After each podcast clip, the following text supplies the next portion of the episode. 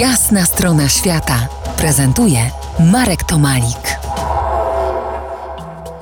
Gościem jasnej strony świata Krzysztof Trebunia-Tutka, architekt, muzyk i animator muzyki góralskiej. Krzysztofie, powiedz, jak łączysz pracę architekta z pasją muzyka? Jest to możliwe?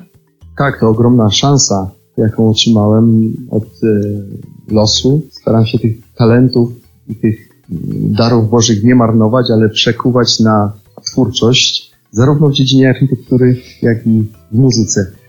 Muzyka daje mi szansę odpoczynku od tego codziennego rysowania, projektowania, załatwiania spraw urzędowych, bo przecież praca architekta to nie tylko komponowanie, rysowanie, ale też trzeba potem to wszystko uzgodnić, zatwierdzić, no i uzyskać pozwolenie na budowę. No ale ta część twórcza, koncepcyjna jest najprzyjemniejsza. Współpracuję y, z młodszymi kolegami, wspólnie się inspirujemy, a dzięki temu, że gram, że koncertuję z zespołem Trobunitywki w całej Europie, często też na innych kontynentach, mogę docenić to, co mamy u siebie.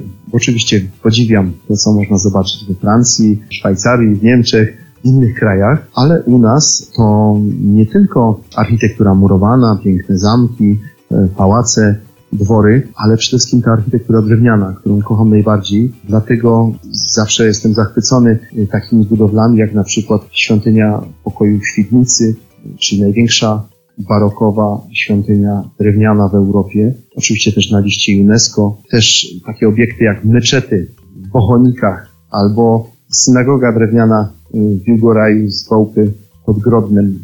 To są takie obiekty, które powodują, że nabieram wielkiej ochoty na projektowanie, na próbowanie własnych sił w architekturze góralskiej, bo oczywiście w tej się najbardziej specjalizuję, ale chciałem też zaprosić y, nie tylko do zobaczenia swoich obiektów na Podhalu, na przykład chałupy Gąsieńcy Makowskiego w Mudrzasichlu, która jest taką izbą regionalną, y, ma funkcję muzealną, jest takim prywatnym muzeum z tymi walorami edukacyjnymi. Zaprojektowałem wiele pięknych willi, choćby w Kościelisku willa Saltaria, czy w Bukowinie na Klinie dom Majerczyków, albo domy drewniane w Dzianiszu, y, ale też zapraszam, aby zobaczyć kaczmy i hotel w Szczonowie.